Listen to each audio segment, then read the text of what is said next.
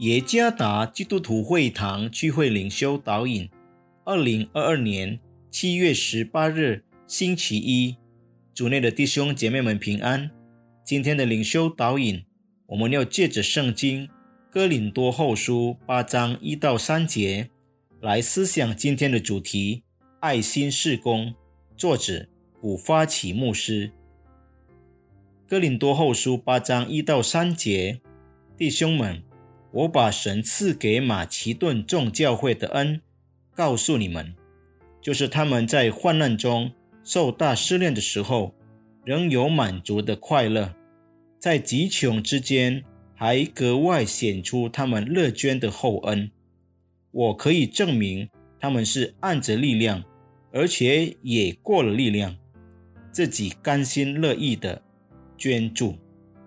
听到雅加达一所韩国学校的幼儿园孩子们流出零花钱来支持因缺乏资金而停滞不前的神学院大楼的建设，我感到很感动。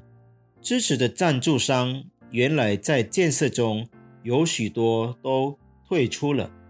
当老师们传达这个情况时，幼儿园的孩子们很感动。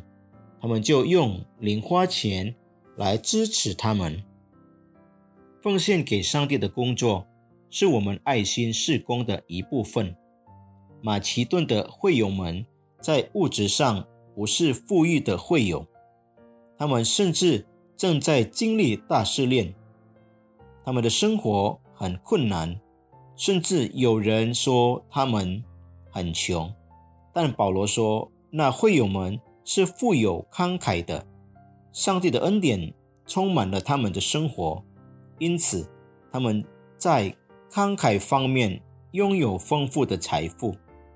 他们敦促保罗使能参与侍奉圣徒们的事工，然后他们就根据自己的能力提供资金支持，甚至超过他们的能力。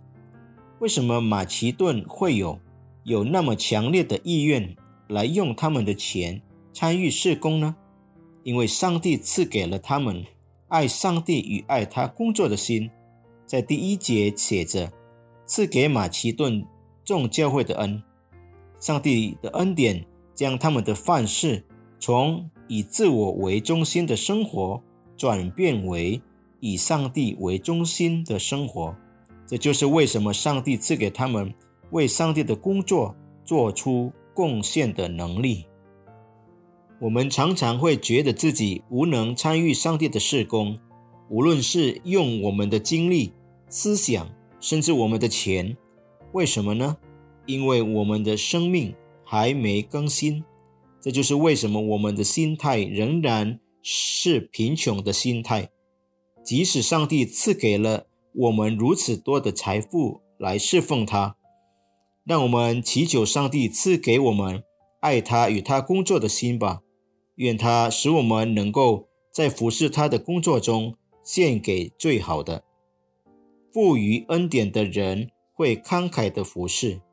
愿上帝赐福弟兄兄姐妹们。